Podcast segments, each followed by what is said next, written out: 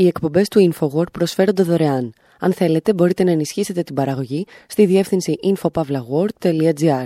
Η διεύθυνση infopavlagor.gr. Η εκπομπή InfoWord με τον Άρη Χατζηστεφάνου.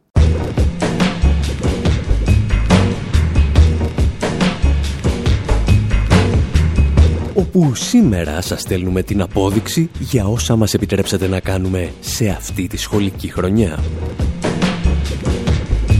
Κλείνοντας άλλη μια ραδιοφωνική σεζόν, θυμόμαστε ορισμένες χαρακτηριστικές στιγμές από το μεγάλο δημοσιογραφικό μας project με τίτλο «Make the economy scream» «Κάνε την οικονομία να ουρλιάξει». Ένα project το οποίο χρηματοδοτείται αποκλειστικά από εσάς και το οποίο μας επέτρεψε να ταξιδέψουμε στη Βενεζουέλα, την Κολομβία, την Κούβα, αλλά και την Καταλωνία, τη Γαλλία και την Ελβετία. Σήμερα παρουσιάζουμε σχετικά σκόρπιες εικόνες και ήχους και φυσικά ξεκινάμε από το μακρινό Καράκας.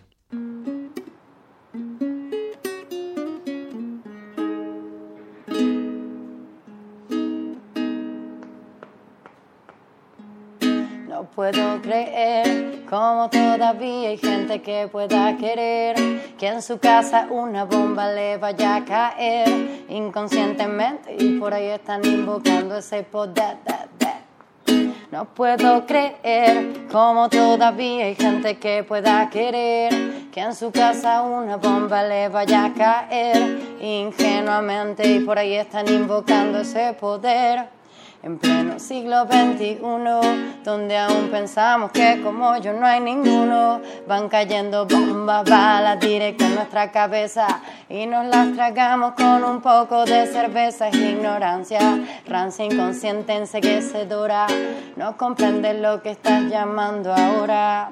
A que venga gente que no tiene nada que ver, a querer meter sus narices en nuestro poder, nuestro poder espiritual nuestro poder de crear y transformar. Este territorio es especial.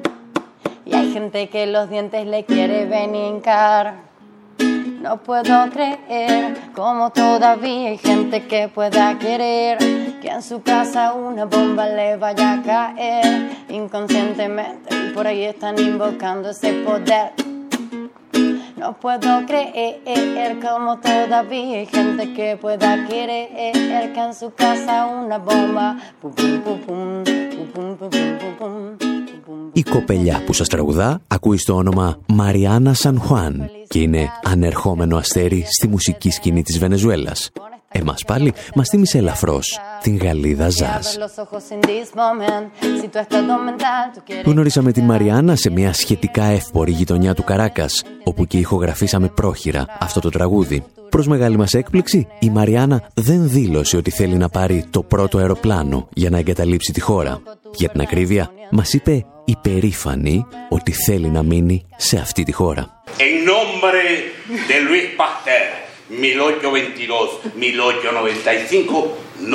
Το ίδιο βράδυ θα πεταχθούμε μέχρι το θέατρο ΤΕΤ, ένας παλιός κινηματογράφος στο υπόγειο ενός ναού που λειτουργεί εδώ και μερικά χρόνια σαν θέατρο. Ανεβάζουν την παράσταση «Άκτο Κουλτουράλ» του Χωσέ Ιγνάσιο Καμπρούχας, ένα έργο που θεωρείται πλέον κλασικό για το βενεζουελάνικο θέατρο. Μια κομμωδία για όσα μπορούν να πάνε στραβά σε μια χώρα και θα πάνε. Το βράδυ οι ηθοποιοί με προσκαλούν σε μια ιδιότυπη ξενάγηση στη νυχτερινή ζωή του Καράκας. Θα πάμε, μου λένε, στο πιο ακριβό μπαρ της πόλης και ύστερα σε ένα από τα πιο φθηνά.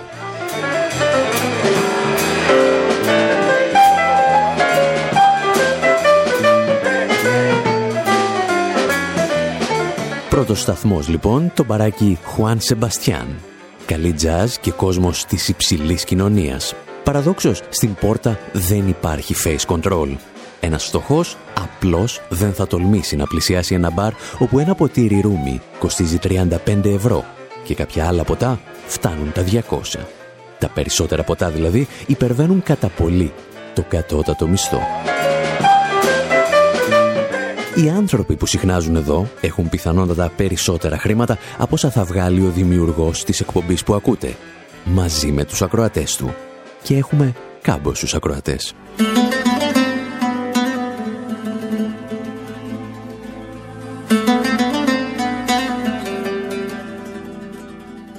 Επόμενος σταθμός, ένα μπαράκι στην ταράτσα ενός ουρανοξύστη, με θέα ολόκληρο το Καράκας.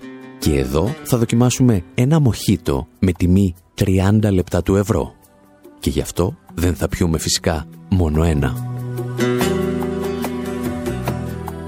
Για αρκετούς κατοίκους του Καράκας, ακόμη και αυτά τα 40 λεπτά του ευρώ είναι ένα σημαντικό ποσό. Ας μην ξεχνάμε άλλωστε ότι με τα ίδια χρήματα μπορούν να γεμίσουν το ρεζερβουάρ του αυτοκινήτου τους για αρκετές εβδομάδες. Γιατί ένα λίτρο βενζίνη στη Βενεζουέλα κοστίζει περίπου 0,00005 λεπτά του ευρώ. Πρακτικά δηλαδή είναι δωρεάν.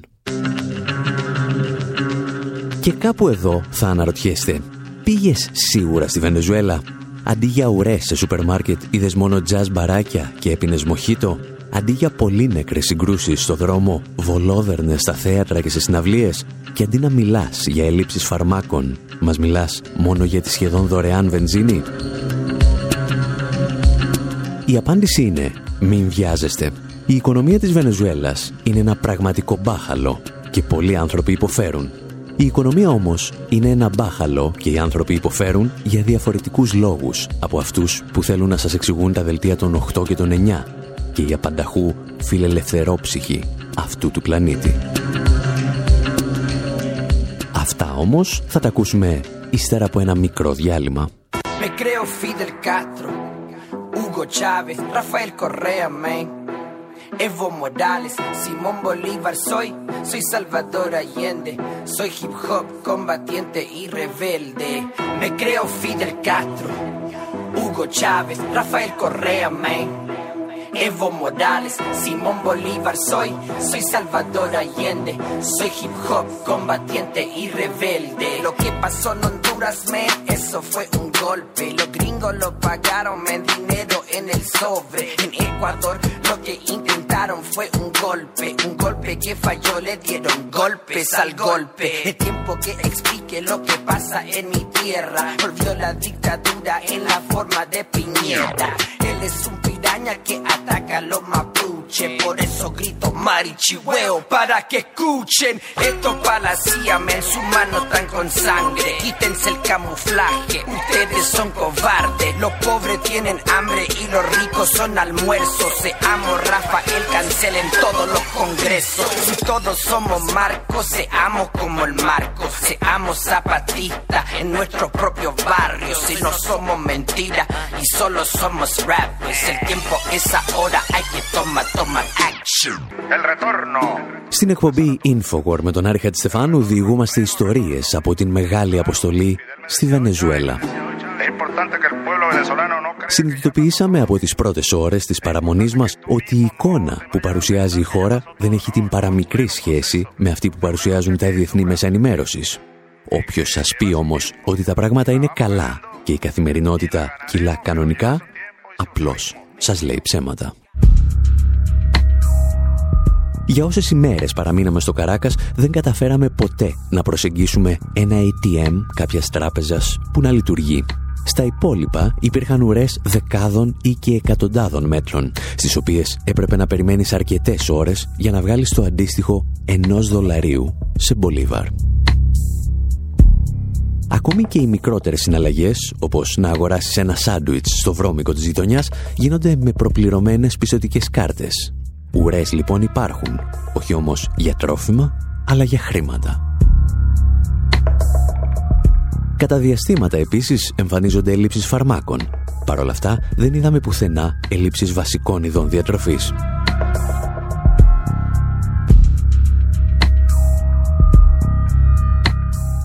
Το ερώτημα λοιπόν δεν είναι και δεν ήταν ποτέ τα τελευταία χρόνια εάν η κατάσταση είναι καλή. Γιατί δεν είναι. Το ερώτημα είναι πώς φτάνει μια χώρα που διαθέτει τα μεγαλύτερα αποθέματα πετρελαίου του πλανήτη σε αυτήν την κατάσταση. Έχουμε αναφερθεί πολλές φορές στην εξάρτηση της οικονομίας της Βενεζουέλας από το πετρέλαιο και τις επιπτώσεις στη βιομηχανική παραγωγή και τον πληθωρισμό. Αυτό όμως που όλοι ξεχνάνε να αναφέρουν είναι ότι η Βενεζουέλα αντιμετωπίζει ένα απάνθρωπο εμπάργο από τη μεγαλύτερη οικονομία του πλανήτη και αρκετούς από τους συμμάχους της. Ζητήσαμε γι' αυτό τη γνώμη της οικονομολόγου Πασκουαλίνα Κούρτσιο, η οποία παρακολουθεί από την πρώτη στιγμή το κοινωνικό και οικονομικό πείραμα που ξεκίνησε ο Ούγκο Τσάβες. Και αυτή μας μίλησε για τις επιπτώσεις του αμερικανικού εμπάργου στην οικονομία της Βενεζουέλας. En primer lugar, el bloqueo financiero eh, que tiene que ver con las transacciones financieras. Es decir, Καταρχήν, το οικονομικό εμπάργκο που έχει να κάνει με τις χρηματοπιστωτικές συναλλαγές μας περιορίζει στην αποπληρωμή του χρέους. Μας περιορίζει επίσης όταν πρέπει να προμηθευτούμε αγαθά πρώτης ανάγκης, όπως εισαγόμενα φάρμακα ή τρόφιμα. Όλε αυτέ οι συναλλαγέ πραγματοποιούνται μέσω λογαριασμών που συνδέονται με το διεθνέ χρηματοπιστωτικό σύστημα και κυρίω με τι Ηνωμένε Πολιτείε.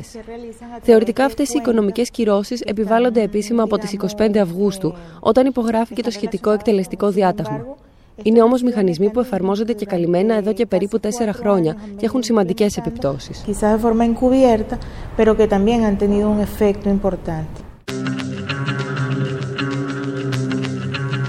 Οι αναφορές της Πασκουαλίνα Κούρσιο για τις επιπτώσεις του αμερικανικού εμπάρκου στην οικονομία της Βενεζουέλας μας έφεραν στο μυαλό και μια άλλη χώρα που πληρώνει για δεκαετίες τον αμερικανικό αποκλεισμό.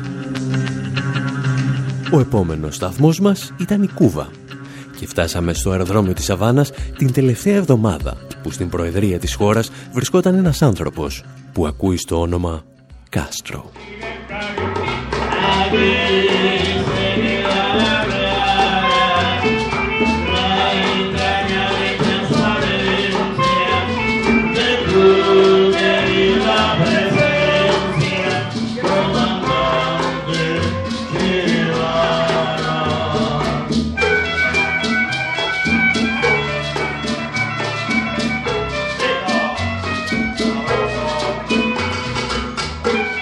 Σε περίπτωση που αναρωτιέστε αν σας φταίει περισσότερο η ηχογράφηση αυτού του τραγουδιού ή η εκτέλεσή του από το συγκρότημα, η απάντηση είναι και τα δύο. Εμείς κάναμε ό,τι μπορούσαμε με τα λιγοστά μέσα ηχογράφησης που είχαμε εκείνη τη στιγμή διαθέσιμα. Και το συγκρότημα όμως, ό,τι μπορούσε έκανε. Βράδυ Παρασκευής στη Λαμαρκεσίνα, ένα καφενείο στην κεντρική πλατεία της Σαντα Κλάρα στην Κούβα. Κάτω από μια τεράστια σημαία με τον Τσεγκεβάρα, το συγκρότημα συναγωνίζεται του Social Vista Social Club μόνο στην ηλικία. Παρ' όλα αυτά, η ατμόσφαιρα είναι μοναδική. Ανάμεσα στους θεατές συναντάς εργάτες από βιοτεχνίες πούρων, φοιτητές, συνταξιούχους και φυσικά πάρα πολλούς τουρίστες. Για να καταλάβεις όμως τη σημερινή κούβα πρέπει να αφουγκραστείς και τα μπάσα που κατακλείζουν το χώρο ανάμεσα στα τραγούδια του συγκροτήματος. Και αυτά τα μπάσα έρχονται από μία άλλη συναυλία στην απέναντι γωνία της πλατείας.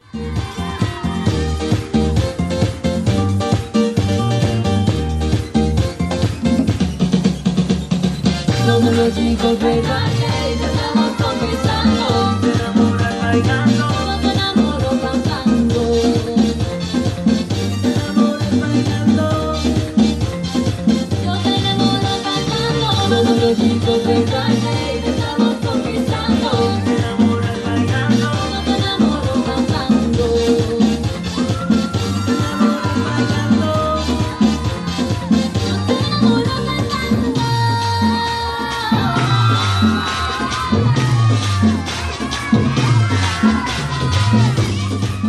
εικόνα θυμίζει μεσημεριανάδικο στα χρόνια του πασοκικού εξυγχρονισμού. Σε μια μεγάλη σκηνή, δύο τραγουδιστές παρουσιάζουν κάποιο τελευταίο χιτάκι της κουβανικής pop, ενώ ανάμεσά τους περπατούν καλήγραμμα μοντέλα, φορώντας τα ρούχα κάποιου τοπικού οίκου μόδας. Και ο παρουσιαστής της σεμνής αυτής τελετής δεν έχει τίποτα να ζηλέψει από τη ρούλα κορομιλά. Η Σάντα Κλάρα αποτελεί εδώ και δεκαετίες το σημείο συνάντησης δύο διαφορετικών πολιτισμών της Κούβας. Εδώ έδωσε μία από τις ιστορικές μάχες της ζωής του ο Τσεγκεβάρα και μπορείς ακόμη να δεις τα σημάδια της στους στίχους του ξενοδοχείου Σάντα Κλάρα Λίμπρε. Εδώ όμως πραγματοποιούνται και οι γνωστότερες παραστάσεις των drag queens της Κούβας. Και αν κάποιος φιλελεύθερος φίλος σας επιμένει ότι στην Κούβα διώκονται οι ομοφιλόφιλοι, να του εξηγήσετε ότι οι απόψεις του μυρίζουν ναφθαλίνη, από τα βιβλία του θεωρητικού της Χούντας Γεώργιου Γεωργαλά. Γιατί η Κούβα είναι η πρώτη χώρα που μπορούμε να σκεφτούμε όπου το δημόσιο σύστημα υγείας προσφέρει δωρεάν επεμβάσεις αλλαγής φύλου. Εμάς πάλι η Σάντα Κλάρα μας θυμίζει τον νέο πρόεδρο της Κούβας, τον Μιγγέλ Ντίας Κανέλ, για τον οποίο θα συζητήσουμε αμέσως μετά από αυτό.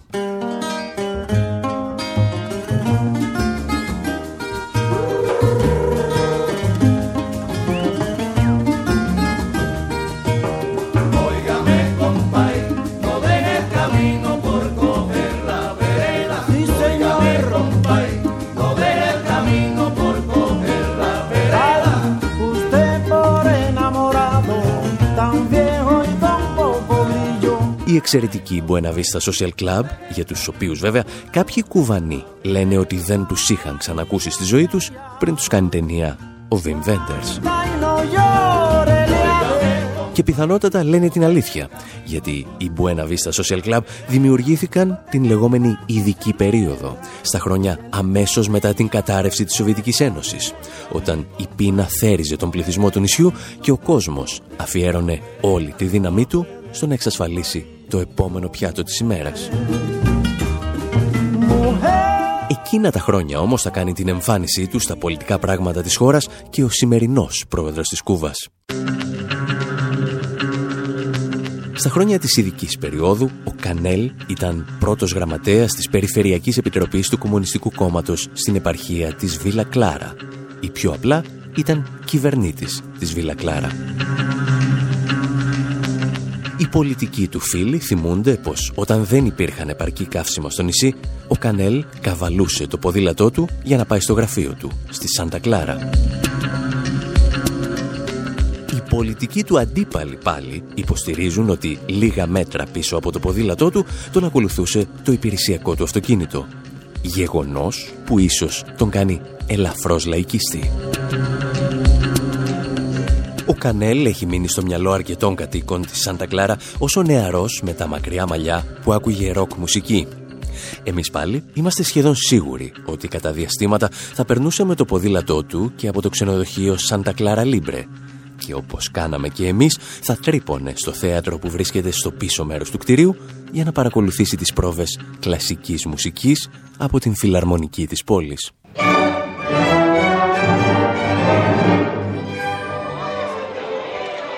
Ο μαέστρος δεν φαίνεται να ενοχλείται από την παρουσία μας, αν και ενοχλείται ελαφρώς από τα φάλτσα της ορχήστρας του. Και εμείς απολαμβάνουμε ένα μεσημέρι στην πόλη που συνδυάζει τους ήχους των Buena Vista με τη σύγχρονη κουβανική pop, αλλά και τις μελωδίες του Brahms. Εδώ βοηθάμε την ορχήστρα με ορισμένα αποσπάσματα από μια άλλη συναυλία κάπου στην Ευρώπη.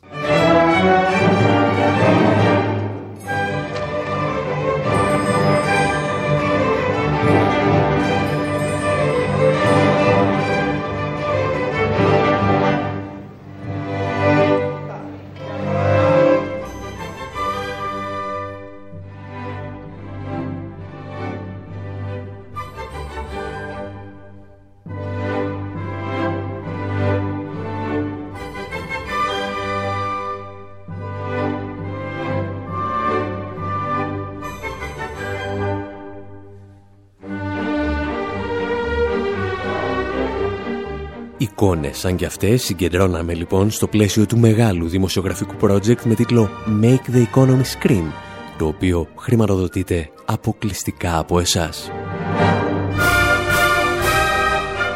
Και όσο περνούσαν οι ημέρες στην άλλη πλευρά του Ατλαντικού, τόσο καταλαβαίναμε ότι για να κατανοήσουμε τι συμβαίνει εκεί έπρεπε να επιστρέψουμε και στην Ευρώπη. Ιστορίες για το δεύτερο μέρος της εκπομπής. Εσείς πάλι, αν θέλετε να ακούσετε ολόκληρες αυτές τις ιστορίες και τα ρεπορτάζ, θα τα βρείτε στη διεύθυνση info.pavlawar.gr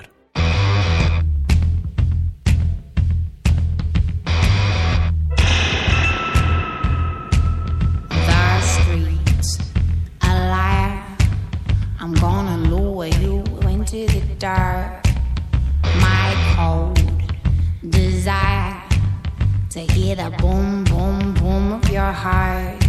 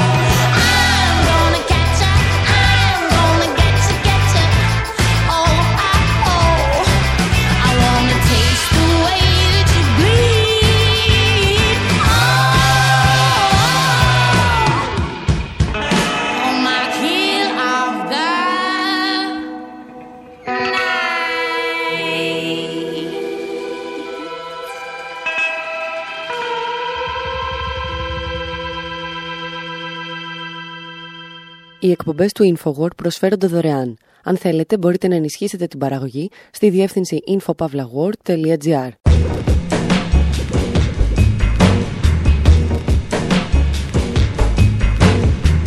Εκπομπή InfoWord, μέρος δεύτερο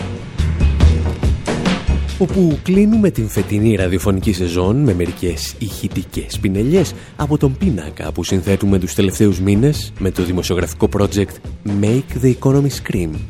Κάνε την οικονομία να ορλιάξει. Πέρασαμε από το Καράκα της Βενεζουέλας στην Αβάνα της Κούβας, ενώ ακούγαμε τα διεθνή μέσα ενημέρωσης να μιλάνε διαρκώς για την κατάσταση των ανθρωπίνων δικαιωμάτων στις δύο αυτές χώρες μέχρι που ένας ανεξάρτητος εμπειρογνώμονας του ΟΗΕ μας είπε μια περίεργη ατάκα. Αν θέλετε, λέει, να δείτε πολιτικούς κρατούμενους, καλύτερα να ξεκινήσετε από την Καταλωνία στην Ισπανία. Και αυτό ακριβώς κάναμε.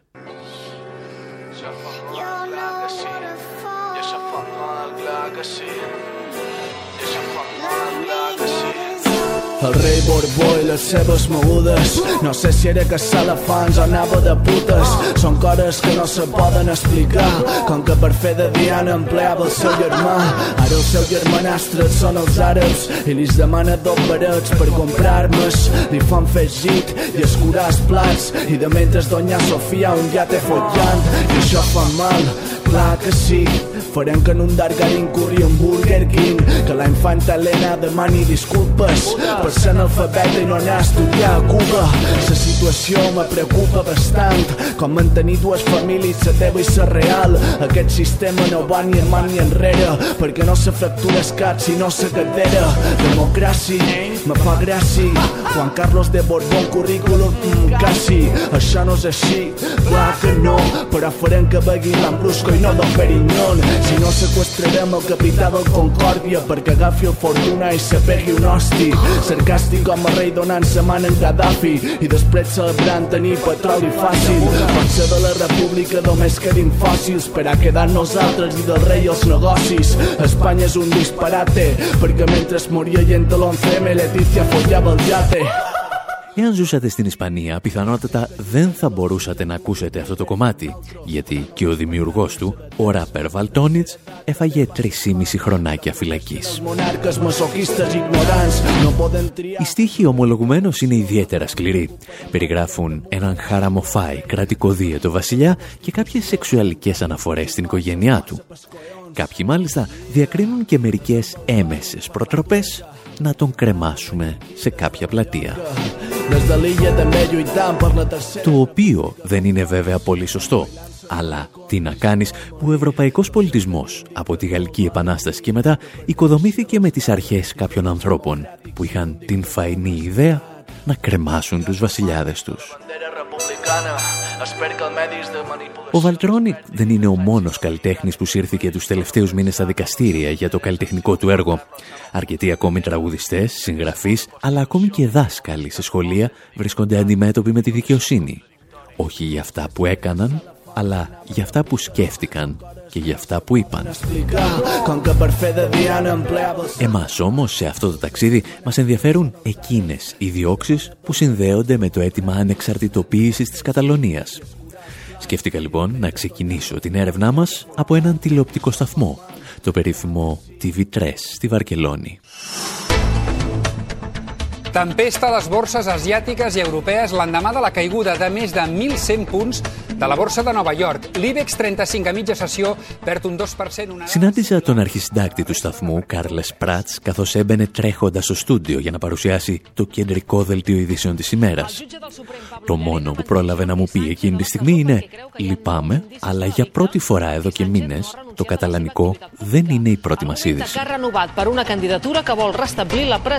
Η τύχη όμως μου χαμογέλασε. Στη μέση του δελτίου, το κοντρόλ ενημέρωσε τον παρουσιαστή ότι πρέπει να αλλάξει τη ροή και να συνδεθεί με την ανταποκρίτρια του σταθμού στη Μαδρίτη. Ένας δικαστής είχε μόλις ανακοινώσει ότι ο Τζόρντι Σάντσες, ίσως ο σημαντικότερος πολιτικός κρατούμενος του Ισπανικού κράτους, θα παρέμενε μέχρι νεοτέρας στη φυλακή. I en paral·lel, el jutge del Tribunal Suprem, Pablo Llarena, acaba de refusar de nou la petició de Jordi Sánchez de sortir de la presó. Sí, el jutge Llarena fa només uns minuts ha dictat aquesta interlocutòria rebutjant la llibertat de Jordi Δεν ξέρουμε πόσο έχετε φρεσκάρει τα καταλανικά σας, αλλά αν προσέξετε, οι δημοσιογράφοι προσέχουν εξαιρετικά κάθε λέξη που χρησιμοποιούν. Όπως μου εξήγησε αμέσως μετά το δελτίο ο Κάρλες Πράτς, υπάρχουν ορισμένες λέξεις που απαγορεύεται να χρησιμοποιούν οι δημοσιογράφοι με εντολή δικαστή. Uh, there's a judicial entity called uh, Junta Electoral Central who said Υπάρχει μια δικαστική οντότητα που ονομάζεται Εκλογική Επιτροπή και η οποία καθορίζει ποιες λέξεις μπορούμε να χρησιμοποιήσουμε όταν μιλάμε για ανθρώπους που βρίσκονται στη φυλακή. Είναι κάτι με το οποίο εμείς οι δημοσιογράφοι διαφωνούμε, αλλά καλούμαστε να συμμορφωθούμε. Το έχουμε καταδικάσει δημοσίως. Έχουμε καταδικάσει τις απαγορεύσεις με τις οποίες καθορίζουν πώς θα κάνουμε τη δουλειά μας. Είναι αδύνατο για τη δημοκρατία στον 21ο αιώνα να πανεμβαίνουν με τέτοιο τρόπο. Φανταστείτε παραδείγματος χάρη εάν πολιτικοί και δικαστές άργησαν να λύνουν και στους γιατρούς πώς να κάνουν τη δουλειά τους. Μπορεί να σέβομαι τις αποφάσεις δικαιοσύνης, αλλά βρίσκουμε σε κατάσταση σοκ κάθε φορά που λαμβάνουμε τέτοιες εντολές organism telling journalists how they, they had to work. Το σκηνικό που μου περιγράφει ο Πράτς δεν τιμά και ιδιαίτερα τις δημοκρατικές παραδόσεις της Ευρώπης.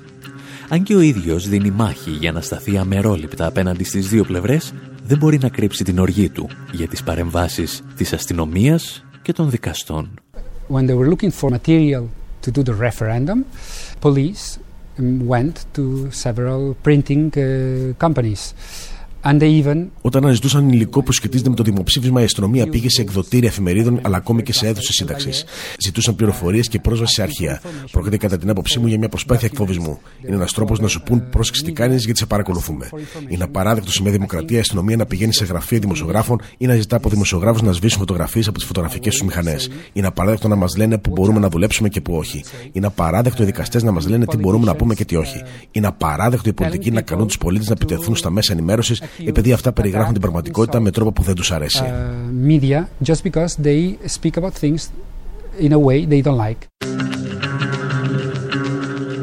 Δικαστές και αστυνόμοι λοιπόν καθορίζουν το περιεχόμενο των ειδήσεων στην Ισπανία και φροντίζουν να τιμωρούν όσους έχουν διαφορετική άποψη από τη δική τους. Είχε έρθει όμως η στιγμή να συναντήσω εκείνη την μικροκαμωμένη γυναίκα που είχα δει στη συγκέντρωση για τους πολιτικούς κρατούμενους. Τη σύζυγο του Τζόρτι Σάντσες, προέδρου της οργάνωσης Καταλανική Εθνική Συνέλευση, που σήμερα βρίσκεται στη φυλακή. Στη διαδρομή άκουγα αυτό το τραγούδι που κάποιος σκέφτηκε να μου στείλει με ένα μήνυμα και εμείς σκεφτήκαμε να μοιραστούμε μαζί σας.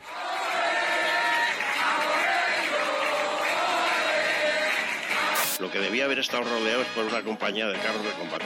Salgan ustedes inmediatamente de ahí porque vamos a abordar el parador. Han actuado con profesionalidad y de modo proporcional y proporcionado. No estem sols sota els cops i el cos blau. Al règim del 78 li fem un knockout. Qui cau s'aixeca com Carlos Fonseca i tanca el trau. Som les àvies ferides, som les manis on hi ha pau. Tot això és un cacau, seguim fent sarau. L'1 d'octubre defensem escoles com formigues al cau. Poder popular infinit contra l'elit dels palaus. Carmen Lamela, de la justícia robarem les claus. Nu de arme dau tare, proști cu mințile goale Cu un simplu gând în cap, fără sens și nici valoare Se ascunde sub mască fiindcă e mare Fiind potriva la popor chiar în ziua de votare Nu știm să vorbim, mai să scoatem armamentul. Să acuzăm de desonoare, să arăstăm tot guvernul. Un sistem democratic fără drept de exprimare Unde garda bate lume chiar în ziua de votare. Plouen hòsties com la poli dugues mas La gent només volia votar, per tenir clar què està passant Ara però ja està, hem fet una passa endavant No volem conciliació, ara fotem el camp Vilatans i vilatant arredi pel conflicte No acatem a cap virrei que imposin a medites Compte enrere i ara sí. Visca la república e que follin el puto 5-5 Gritam os jovens sangrão idosos A força de um povo unido é mais forte que toda essa corda De gente piedosa que caminha na corda Tenho perguntas mas não tenho resposta Aplico 5-5, instaurar a ditadura Controle a imprensa e proíbam suas culturas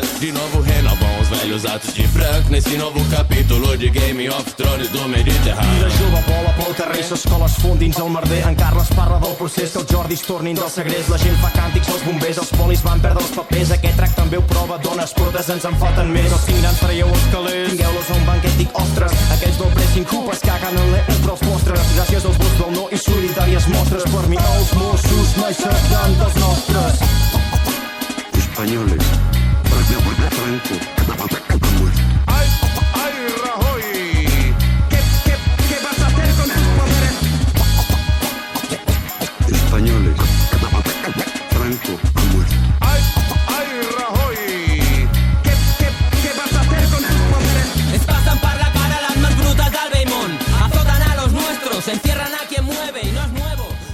Η La Περέρα που ακούτε είναι μια κολεκτίβα ράπερ από την Καταλωνία, την χώρα των Βάσκων, τη Ρουμανία και τη Βραζιλία. Όλοι τους όμως ζουν τώρα στη Βαρκελόνη. Αν και δεν θεωρούν ότι ανήκουν στο κίνημα των αυτονομιστών, είχαν πολλά να πούν για τη βάναυση αντίδραση του Ισπανικού κράτους και των δυνάμεων καταστολής μετά το δημοψήφισμα. Ζούμε, λένε, σε ένα επεισόδιο του μεσογειακού Game of Thrones και όλα θυμίζουν τις πρακτικές του δικτάτορα Φράνκο. Το να συγκρίνεις βέβαια τον Ραχώη με τον Φράνκο είναι ελαφρώς χοντρό. Σκέφτηκα λοιπόν ότι ο καλύτερος τρόπος να διαπιστώσω την ορθότητα των στίχων ήταν να μιλήσω με την Σουζάνα Μπαρέντα, τη σύζυγο του πολιτικού κρατούμενου Τζόρντι Σάντσες. Είχα το θλιβερό προνόμιο να είμαι ο πρώτος δημοσιογράφος που συναντούσε από τη στιγμή που το δικαστήριο στη Μαδρίτη ανακοίνωσε ότι ο σύζυγός της θα έμενε επαόριστον στη φυλακή. «Δεν έχω προλάβει να διαβάσω το σκεπτικό της απόφασης», μου είπε. «Αλλά πάντα έτσι γίνεται. Τα μαθαίνουμε στις ειδήσεις. Él fue a declarar a Madrid de forma voluntaria. Fue a declarar y en esa misma declaración el juez Ο Τζόρντι πήγε να καταθέσει οικειοθελώ σε δικαστήριο στη Μαδρίτη και ο δικαστή διέταξε να φυλακιστεί χωρί εγγύηση. Το μάθαμε από την τηλεόραση ενώ ετοίμαζα το βραδινό για να φάνε τα παιδιά. Είδα στην τηλεόραση ότι έμπαινε φυλακή και δεν θα επέστρεφε το βράδυ στο σπίτι. Κανεί δεν μα είχε ενημερώσει. no nos lo comunicó nadie. Ο Τζόρντι Σάντσες, όπως και οι υπόλοιποι πολιτικοί κρατούμενοι, βρίσκονται σε φυλακές της Μαδρίτης. Ακόμη λοιπόν και η εβδομαδιαία επίσκεψη είναι ένας γολγοθάς για τις οικογένειές τους. Bueno, Jordi está encerrado en Soto del Real, que es una prisión cerca de Madrid. Ο Τζόρντι είναι κλεισμένος στη Σότο Ντελ Ρεάλ, που είναι μια φυλακή κοντά στη Μαδρίτη, 600 χιλιόμετρα από τη Βαρκελόνη. Κάθε επίσκεψη είναι ένα μεγάλο ταξίδι. Παίρνουμε το τρένο μέχρι τη Μαδρίτη και ύστερα συνεχίζουμε με αυτοκίνητα για 40 λεπτά ή και μια ώρα, ανάλογα με την κίνηση. Είναι μια τεράστια επένδυση χρόνου και χρημάτων και μας αφήνουν να τον βλέπουμε μόνο για 40 λεπτά. Σε βάζουν να καθίσεις σε ένα θάλαμο και μιλάς μέσα από το τζάμι. Όταν περάσουν τα 40 λεπτά, ο ήχος κόβεται αυτόματα και δεν μπορείς πια να μιλήσεις μαζί La του.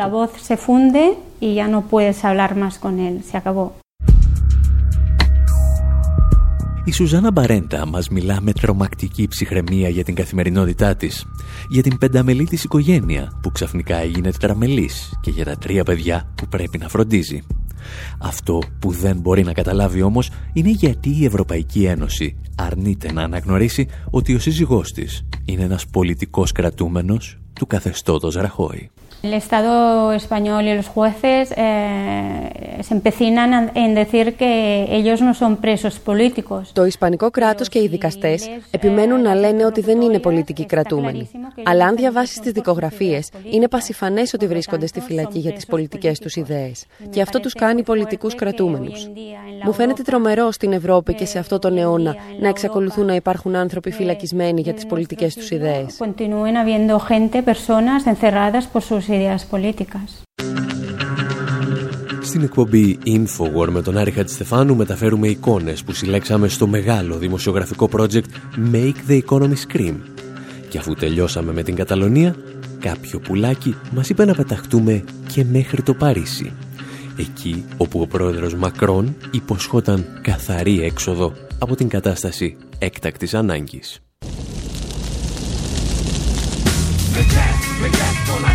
pousse, ça fait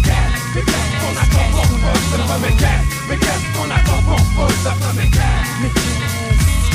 Les années passent, pourtant tout est toujours à sa place. Plus de bitume, donc encore moins d'espace vital et nécessaire à l'équilibre de l'homme. Non, personne n'est séquestré, mais c'est tout comme c'est comme de nous dire que la France avance alors qu'elle pense par la répression stoppée net la délinquance. S'il vous plaît, un peu de bon sens écho ne régleront pas cas d'urgence à coup sûr. Ce qui m'amène à me demander combien de temps tout ceci va encore durer. Ça fait déjà des années que tout t'aurais dû péter. Dommage que l'unité n'ait de notre côté, mais vous savez que ça va finir mal.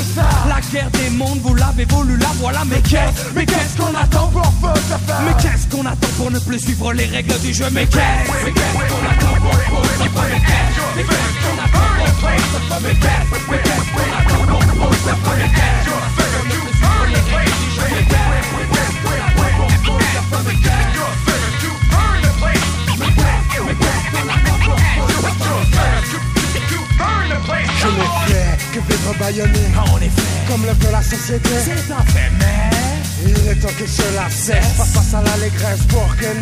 jeunesse des mêmes avant Jaurès Brûle les gars Policier en premier, hey. on voit la république brûler. On aime un bûcher, ouais. Notre tour est venu à nous de jeter les dés. Décidez donc mentalement de s'équiper Quoi? T'es numéro tu vois pas, tu fais semblant tu ne m'entends pas. Je crois plutôt que tu ne t'accordes pas vraiment le choix. Beaucoup sont déjà dans ce cas.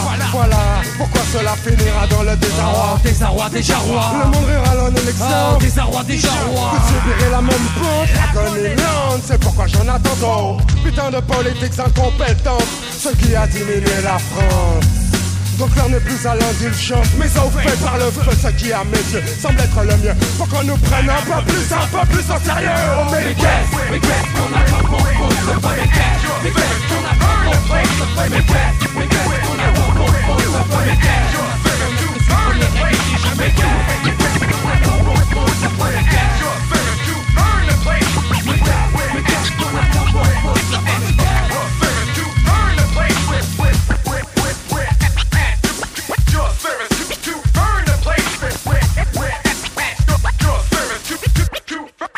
Η NTM που ακούτε είναι κάτι κακά παιδιά από το Saint saint του Παρισιού. Άλλοτε προπύργιο του Κομμουνιστικού Κόμματος ήταν η περιοχή όπου ξέσπασαν οι ταραχές του 2005. Τότε που η αστυνομία δολοφόνησε δύο νεαρούς επιβεβαιώνοντας όσα έλεγε ο Ματιέ Κασοβίτς μια δεκαετία νωρίτερα στην ταινία του το μίσος. Το NTM βγαίνει από τα αρχικά Νικταμέρ, που δεν θέλουμε να σας μεταφράσουμε και δεν έχει και ιδιαίτερη σημασία. Σημασία έχει ότι αυτά τα παιδιά έχουν ξεπαραδιαστεί να πληρώνουν πρόστιμα και να μπαινοβγαίνουν στη φυλακή για τους στίχους των τραγουδιών. Στο συγκεκριμένο τραγούδι μας προτείνουν να βάλουμε φωτιά στην αστυνομία και να ρίξουμε στην ίδια πυρά το κράτος και το μέγαρο των Ελυσίων. Εμείς πάλι κρατήσαμε το συγκεκριμένο τραγούδι για εκείνο το στιχάκι που λέει πόσο θα κρατήσει η κατάσταση έκτακτης ανάγκης. Γιατί αυτό ακριβώς το ερώτημα μας απασχόλησε την τελευταία φορά που επισκεφθήκαμε το Παρίσι. Βράδυ Παρασκευή στο κέντρο του Παρισιού. Κλείνουμε με μία μπύρα, μία ακόμη ημέρα γυρισμάτων για το ντοκιμαντέρ Make the Economy Scream. Μέχρι τη στιγμή που περνά δίπλα μας ένα περίπολο. Τέσσερις πάνω πληγάλοι στρατιώτες με εξοπλισμό που θα αρκούσε για να εξοντώσουν ένα τάγμα Ταλιμπάν στο Αφγανιστάν περπατούν ανάμεσα σε ανθρώπους που έχουν βγει να πιούν το ποτό τους. Και το πρόβλημα είναι ότι κανένας δεν τους δίνει σημασία. Θεωρούνται πλέον αναπόσπαστο κομμάτι της καθημερινότητας σε μια πόλη που σχεδόν δύο χρόνια νωρίτερα γινόταν πρώτο θέμα με τον πιο φρικτό τρόπο σε όλα τα δελτία ειδήσεων.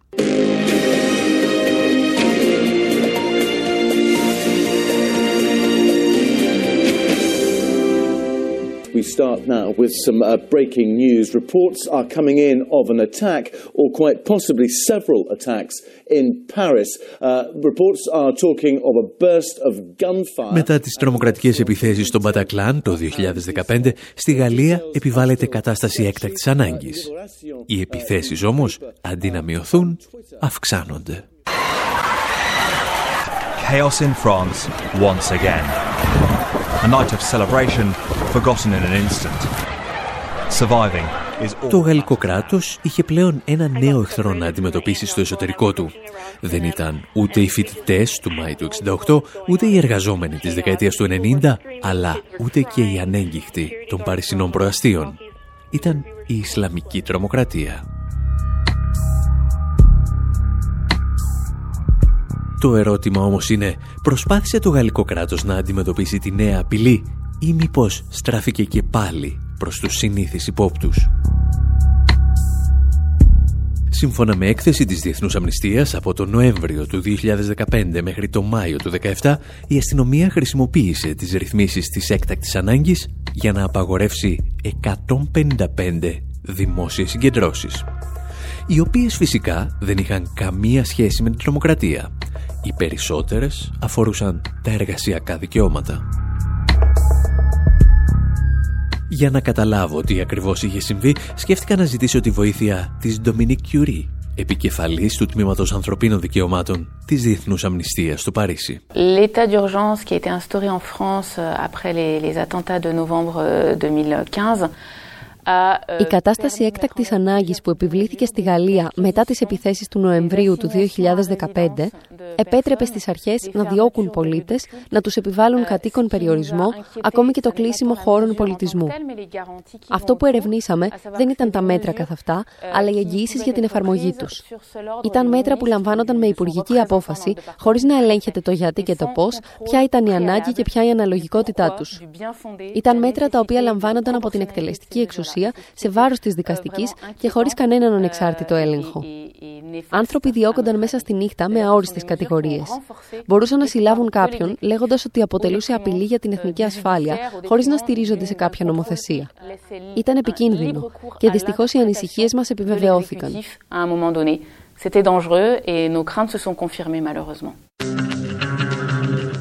Αυτά και άλλα πολλά σας είπαμε λοιπόν τη ραδιοφωνική χρονιά που πέρασε στο πλαίσιο του δημοσιογραφικού project Make the Economy Scream το οποίο χρηματοδοτείται αποκλειστικά από εσάς.